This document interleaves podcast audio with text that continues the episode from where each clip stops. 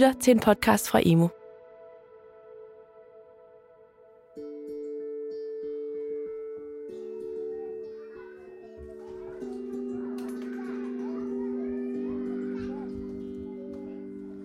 Børnehøjde.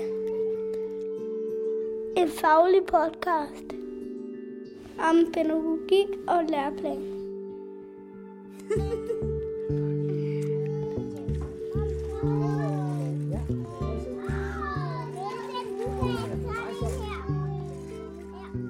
Velkommen til Børnehøjde, en faglig podcast om pædagogik og læreplan. Mad og måltider er en vigtig del af livet og har stor betydning for vores sundhed, trivsel og fællesskaber. Derfor stiller vi tre afsnit skarp på det pædagogiske arbejde med at skabe måltider, hvor børn trives, udvikler sig og dannes. Men børns erfaringer med mad og måltider sker i høj grad på tværs af dagtilbud og hjem. Og derfor kigger vi i dette afsnit nærmere på, hvordan man inddrager og inspirerer forældrene i det pædagogiske arbejde med måltider, så I i fællesskab understøtter, at børn vokser op og kan træffe reflekterede valg. Mit navn er Trine Bækket, og jeg er jeres vært undervejs. Børnehøjde. Om pædagogik og læreplan. Men først skal vi høre fra forskerne Stine Rosenlund, Karen Vistoft og Ellen Ravn Habekost, hvad de mener kendetegner det gode måltid i dagtilbud. Så den grundlæggende set, så sidder man som barn og har ro i maven, fordi der er plads til at være barn på rigtig mange forskellige måder. Og man sidder som voksen og har en grundlæggende forståelse af, hvor skal vi hen med det her måltid. Det gode måltid i dagtilbuddet øh, er kendetegnet af seriøs interesse for børnenes smagsoplevelser og børnenes kommunikation om smag. Det må være det måltid, som er faciliteret sådan, at de deltagere, der skal være med i det, glæder sig til at skal spise sammen.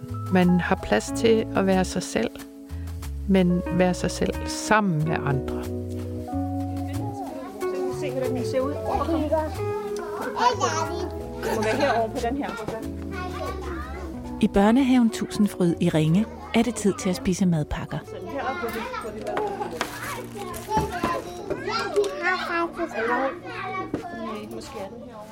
På en vogn midt i rummet ligger børnenes madpakker, som de henter før de sætter sig på deres pladser.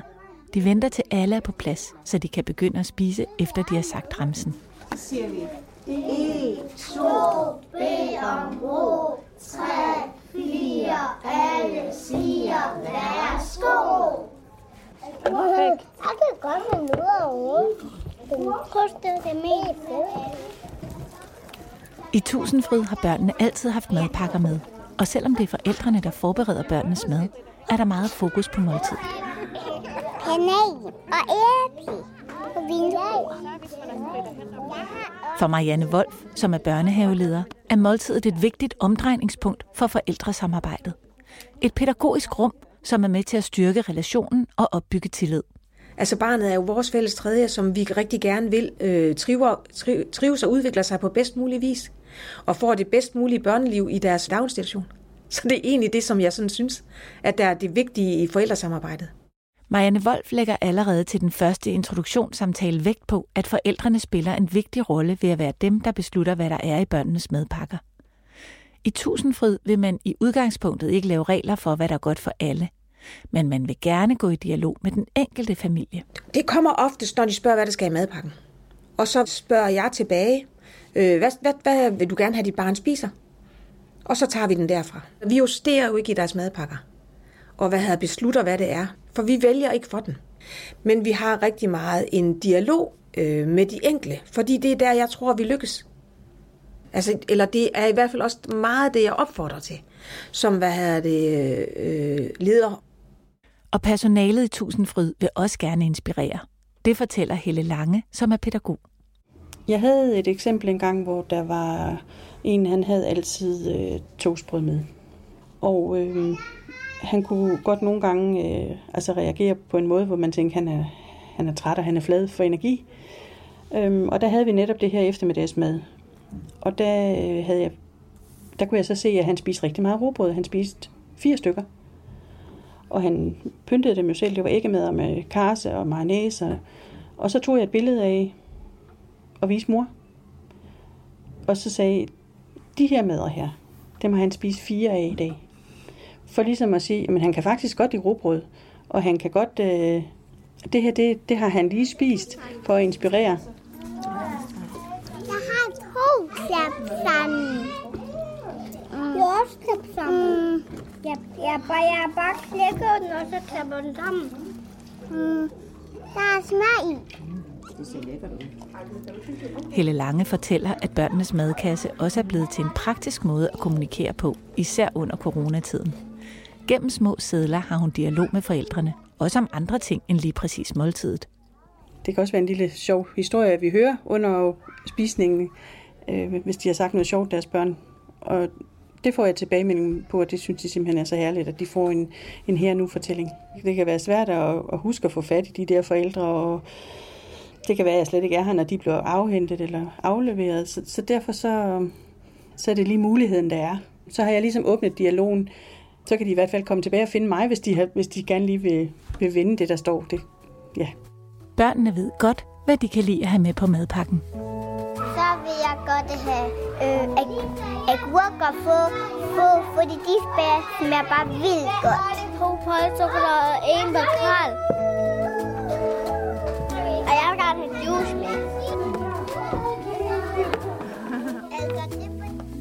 Ellen Ravn Habekost, velkommen til. Tak for det. Du er lektor ved lærer- og pædagoguddannelsen i Jellinge, UCL, hvor du underviser til dagligt. Vi skal tale om måltidet og familien, om hvordan børns maddannelse sker på tværs af det, der foregår i dagtilbuddet og i hjemmet. Vil du ikke starte med at sætte nogle ord på, hvilken rolle det giver det pædagogiske personale? Det er rigtig vigtigt, at det pædagogiske personale påtager sig øh, værvet med at være øh, reflekteret og lade maden og måltidet være omdrejningspunkt i en pædagogisk dagsorden. Fordi så har man, så står man på sin professionsfaglighed mere end man står på sin private øh, forståelser og indlejrede oplevelser af mad og måltider. Det er rigtig vigtigt, at man som pædagogiske medarbejdere, pædagogiske ledere, sørger for, at man har mulighed for at få etableret en mad- og måltidspolitik. Det er der nogen, der holder af at kalde det, og det øh, er for min skyld øh, lige meget. Bare at der er sket en refleksion, og der er sket en planlægning, og der er sket en udøvelse af, hvordan man gerne vil øh, øh udmynde sin mad- og måltidspolitik. Fordi i og med, at de pædagogiske medarbejdere har, har et afklaret forhold til, hvad, hvordan vil vi arbejde med maddannelse og måltider, så vil de også udstråle en både viden, men også pædagogiske handlinger, som betyder nysgerrighed fra forældrene. Og det er i virkeligheden den aller, aller bedste position at få. Altså at man gør viden og, og øh, færdigheder omkring mad og måltider efterspurgt. Nu bruger jeg bare lige et, et lille eksempel. Her hos os, der vil vi gerne, at vi starter et måltid fælles, og vi vil også gerne slutte det fælles. Og det kunne jo fint være noget, man gerne vil kommunikere ud til forældrene. Øh, ikke sådan at forstå, at man skal bestemme, hvordan at man vil at man vil gemme, eller hvordan man skal gennemføre måltider hjemme ved, i, i familierne. Men det kunne jo være, at det der med at starte og slutte fælles, det kunne jo være, at det kunne være til inspiration. Forældregruppen kan jo indeholde mange forskellige holdninger og forventninger til, hvordan måltidet skal foregå i dagplejen og i daginstitutionen. Hvordan håndterer man den diversitet professionelt? Som udgangspunkt tænker jeg, at det allervigtigste, det er, at man er nysgerrig. Altså at man spørger ind og får lavet, og får lavet et, et samtaleforum, hvor man kan tale om den diversitet, der er omkring mad og måltider og tilgang til mad og måltider. Et er relationen imellem øh, pædagoger og forældre, men man kunne også klogt facilitere samtaler imellem forældre, og på den måde også få diversiteten frem, så handler det jo ikke om at have ret eller ikke have ret, vel? Det, det, er, jo det, der, det er jo det, der er den fornemme pædagogiske opgave selvfølgelig, at, at understøtte alle synspunkter. Øh, forstået på den måde, at at man, at, det, at man skal være lige nysgerrig, om man er en familie, som som øh, primært øh, tænker mad og måltider, som nu skal vi have noget i skrutten, så vi kan komme ud og spille fodbold eller noget andet, eller til man er en familie, som øh, gør velovervejet og reflekteret valg i forhold til hver en, en bid, man skal have på sin tallerken. Det er jo meget forskelligt, og der skal være stor plads til, til alle, alle dele. Men i og med, at man får lavet et forum, hvor det er legitimt at tale om, så, så vil det jo også betyde, at man bliver inspireret. Hvis vi lige går tilbage til det med, med den pædagogiske rolle, eller dagtilbudets rolle i forhold til øh, forældrene, hvad er det for dele af måltidet eller mad- og måltidssituationen, som kunne være genstand for forældresamarbejde? Det afhænger lidt af, hvad det er for en organisering, der er omkring maden og måltidet i institutionen. Hvis man er i en institution med madpakker, der tænker jeg da, at, at sådan noget med madpakken og madpakkens tilblivelse, det kunne være en rigtig fin, et rigtig fint omdrejningspunkt. Men samtidig med, fordi det, det kan nemlig godt blive det kan godt blive grænseoverskridende, fordi der er det jo, at institutionen bevæger sig ind i hjemmet. Og der kunne det jo være ret spændende, hvis man også siger, jamen nu vil vi også gerne have hjemmet ind i institutionen, sådan at man måske lod nogle forældre være nogen, der måske på et forældremøde fortæller om, hvordan de laver madpakker. Så på den måde vil de også kunne bidrage ind i institutionen. Vi skal i hvert fald huske, at vi skal ikke altid være dem, der forstyrrer familien. Vi skal prøve at se, om vi kan forstyrre familien passende til, at de også gerne vil bidrage og forstyrre øh, også inde i institutionen, så vi kommer til at tænke mere reflekteret over, hvordan vi øh, for eksempel øh, gennemfører et madpakkemåltid.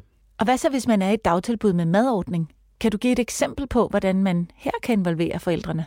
Det kunne være, at man havde et lille børneråd, hvor øh, to eller tre af børnene på skift bliver øh, involveret sammen med den køkkenprofessionelle og en pædagog til at beslutte, hvad skal vi have i den næste uge eller ugen efter, hvordan det nu praktisk kan lade sig gøre.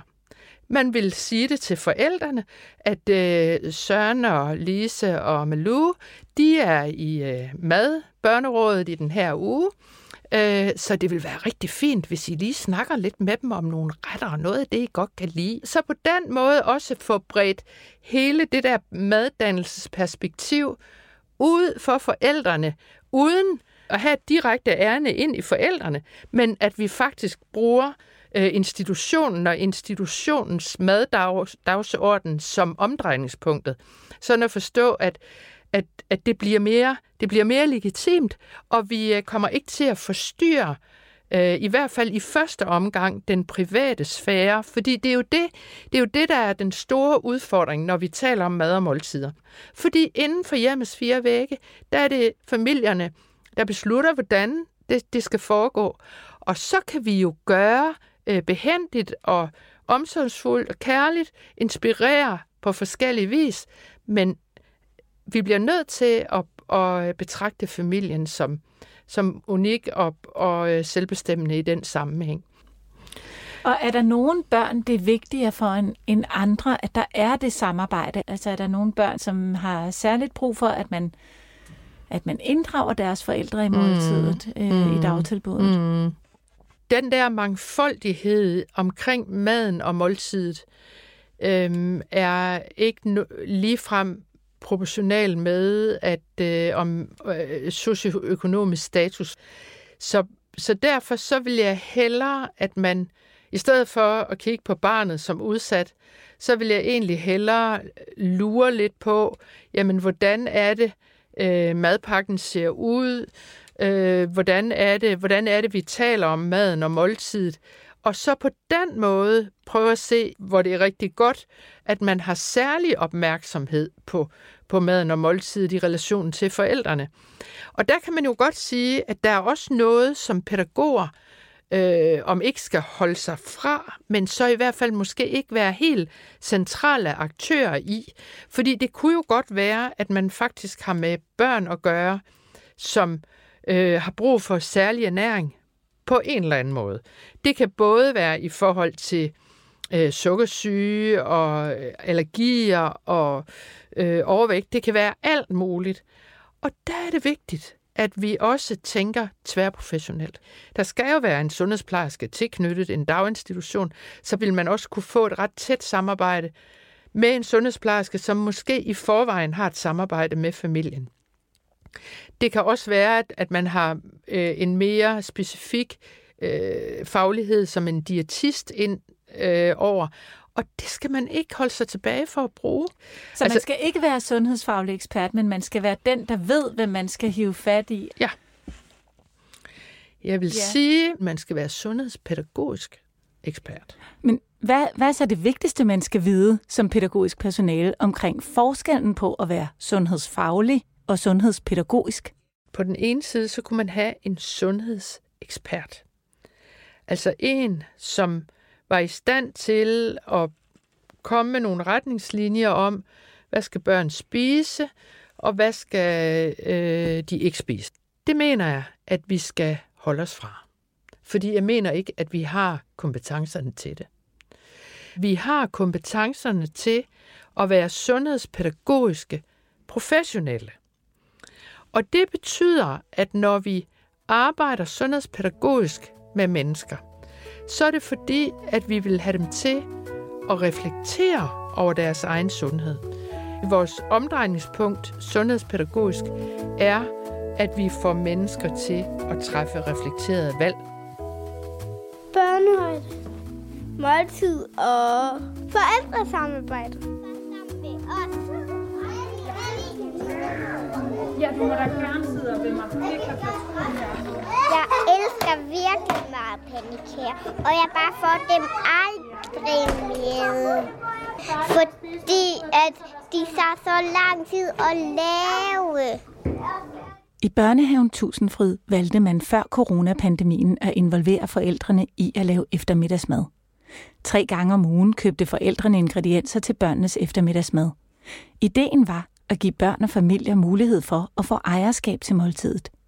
Og Marianne oplever, at det skabte et fællesskab mellem familier og dagtilbud. Det gør jo egentlig også samarbejdet tættere på den måde. Altså man, nu når man er afhængig af hinanden, at vi lykkes på det her, så kan man også sige, så, så får man også et samarbejde og en tro på hinanden om, at man bliver jo bundet sammen om det her, fordi man har det der, og det skal jo lykkes for det der barn, eller for barnet, som hvad er det, vi har, der går i en daginstitution. Og det vil vi jo alle sammen, både have personale og forældre, at det lykkes. At vi lavede æblegrød, og, og vi lavede popcorn på bålet. Og vi gjorde det alt muligt sjovt. Ja, men jeg havde for, for lang tid, så havde jeg, så havde jeg fået popcorn hjemme med min mor og far. Og jeg har og jeg har en mega flot... Pædagog Helle Lange fortæller, at samarbejdet har været meget betydningsfuldt for børnene. Når vi starter med at lave det, så, øh, så har vi, øh, at de ligesom har præsenteret hvad, og vist, hvad er det her for nogen, I har med. Det var så agurker og øh, æbler. Og, så de har været de har været vant til at, at ligesom stille sig op foran de andre og fortælle og præsentere det her, har jeg med.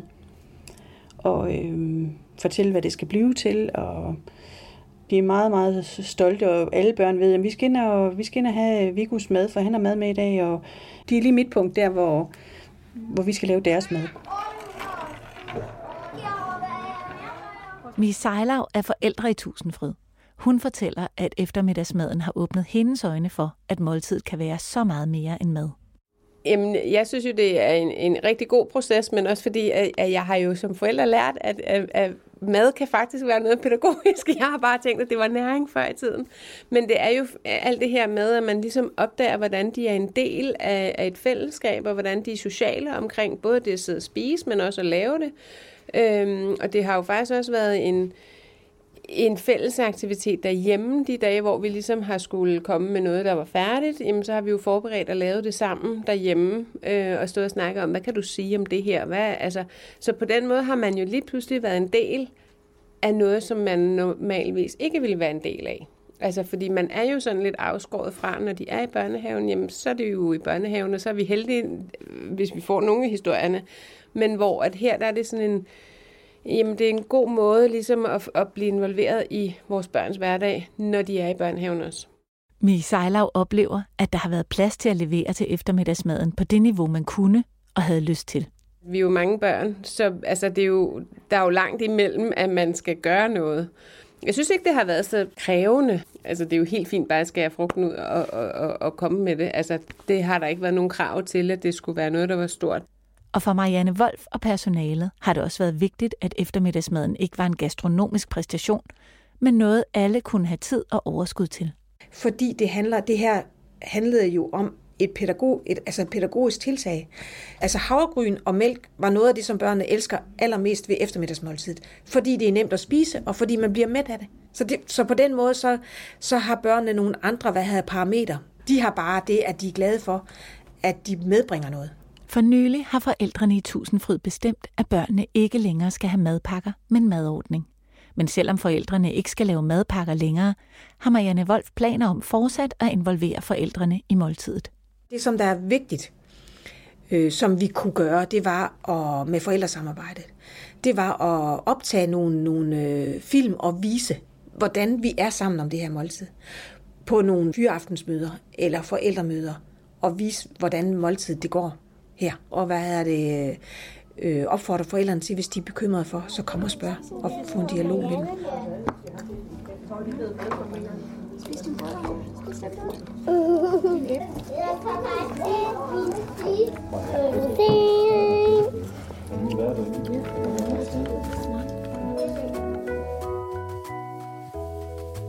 Ellen Ravn Habekost, hvis du ser på den mad- og måltidspædagogik, som foregår i danske dagtilbud, hvordan står det så til med forældresamarbejdet? Det er meget forskelligt. Det viser sig jo øh, fra, fra forskellige forskningsprojekter, at der er jo generelt efterspørgsel efter, at pædagoger understøtter børns udvikling. Vi ved ikke så meget om, hvor stor efterspørgselen er efter, at pædagoger understøtter mad og måltider. Men vi ved, at for eksempel sådan noget med, at man øh, formidler opskrifter. Der er eksempler over fra flere steder i landet, hvor man har udarbejdet en lille kogebog. Det der med at hente inspiration til maden og måltiderne, det ved vi noget om.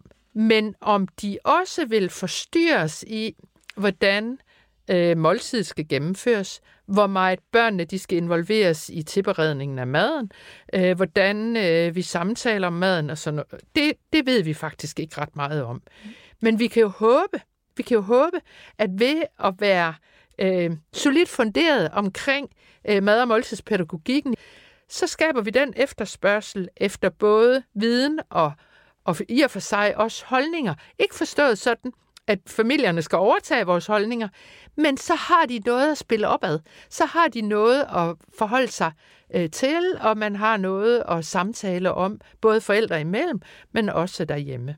Altså det, jeg egentlig kort og godt siger, det er, at vi skal prøve at se, om vi på en, en kærlig, øh, bevidst, øh, reflekteret måde kan få maden og måltiden, øh, måltidet sat på en, en dagsorden derhjemme også.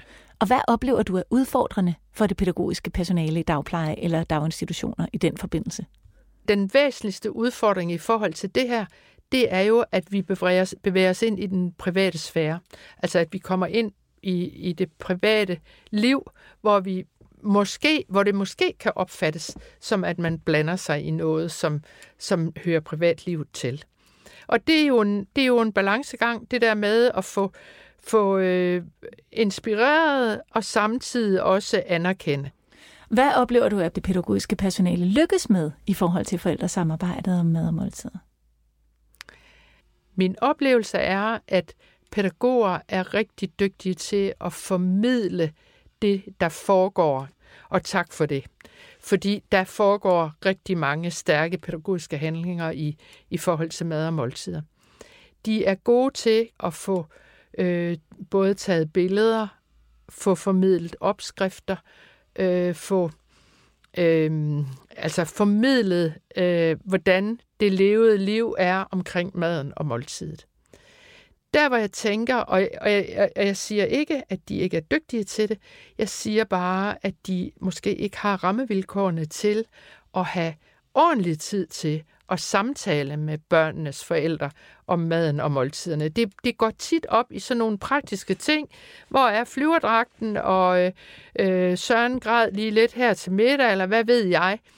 Hvis man kunne sige, jamen mad og måltider, det er sådan noget, vi kunne sige, det er at in i stedet for, det bliver tit sådan noget add-on-agtigt noget, hvor man, hvor man kun taler om det, hvis man lige har tid til det.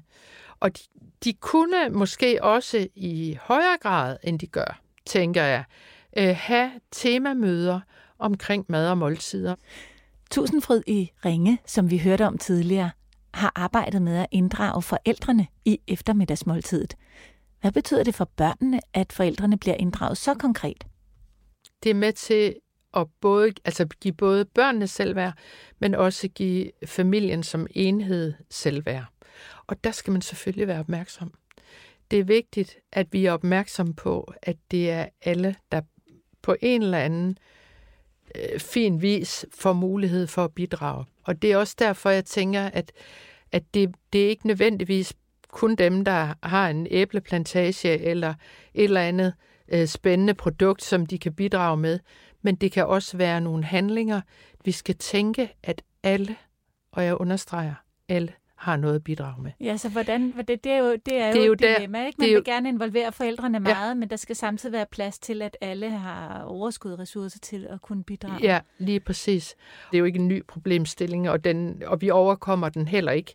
Øh, det kan være, at vi aldrig nogensinde overkommer den, fordi der vil altid være forskel på, også hvor meget lyst man har til at bidrage. Det behøver ikke nødvendigvis at handle om, hvad man har af ressourcer, hverken socioøkonomiske eller for den sags skyld øh, personlige ressourcer i forhold til at kunne stå forrest eller have lyst til at stå forrest med noget. Det vil være meget forskelligt, men det er også vigtigt, at vi respekterer det. Og der kan man jo måske bruge øh, det at etablere grupper øh, i institutionen, så man ikke står selv forrest, men at man måske sammen med tre andre står forrest. Fordi så, så afstemmer man jo i den gruppe, hvem der så er, er den, der siger, hvad der skal foregå, og en køber lidt ind, eller nogen sørger for at få hentet remedier til det, der nu skal foregå. Ikke?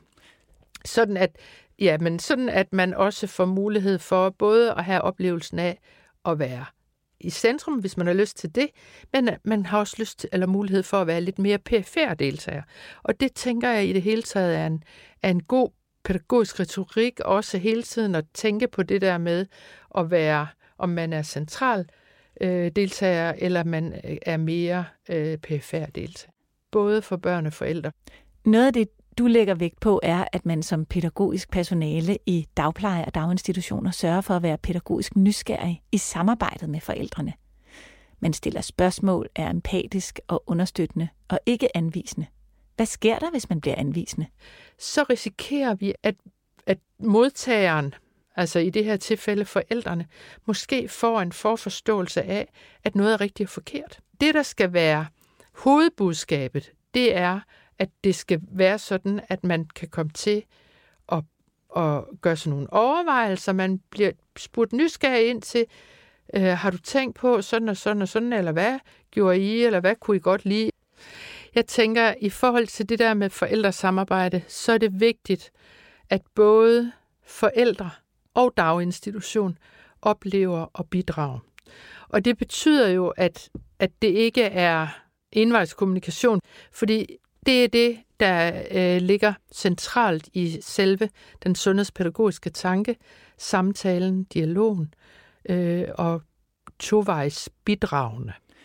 Og noget af det, der skal til for at komme derhen, det er at have en professionel tilgang til sin rolle som, øh, som pædagogisk personale. At man ikke ja. øh, ukritisk eller ubevidst viderefører sine egne normer Lige eller præcis. idealer. Lige præcis. Ja. Altså at man har et, et reflekteret forhold til mad og måltider, at man betragter maden og måltidet som et pædagogisk genstandsfelt eller om, område, som skal have lige så stor opmærksomhed som alt muligt andet. Tusind tak, Ellen Ravn Havekost, for at komme herind og gøre os klogere på maddannelse og forældresamarbejde i forbindelse med mad og måltider. Det var en fornøjelse. Du har lyttet til Børnehøjde og til et afsnit i vores tema om mad og måltider. Vi har talt med forsker Ellen Ravn Habekost og Børnehaven Tusindfryd om, hvordan involveringen af forældrene kan give dem indsigt i måltidets pædagogiske næring, og børnenes stolthed over, at familien bidrager til dagtilbudets fællesskab. Og vi har talt om, hvordan man som personale kan støtte forældrene i at træffe gode valg for deres børn, ved at tage en sundhedspædagogisk frem for en sundhedsfaglig rolle på sig, og inspirere til refleksion og handling. Hvis du er blevet nysgerrig og vil høre mere om det pædagogiske arbejde med normer eller smag, kan du lytte til de to andre afsnit i temaet. Du kan også finde mere inspiration på emo.dk. Tak fordi du lyttede med. Børnehøjde.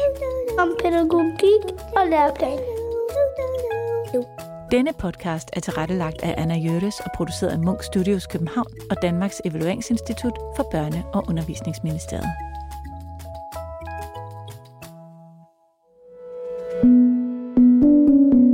Har lyttet til en podcast fra Emo. Find mere viden og inspiration på emo.dk.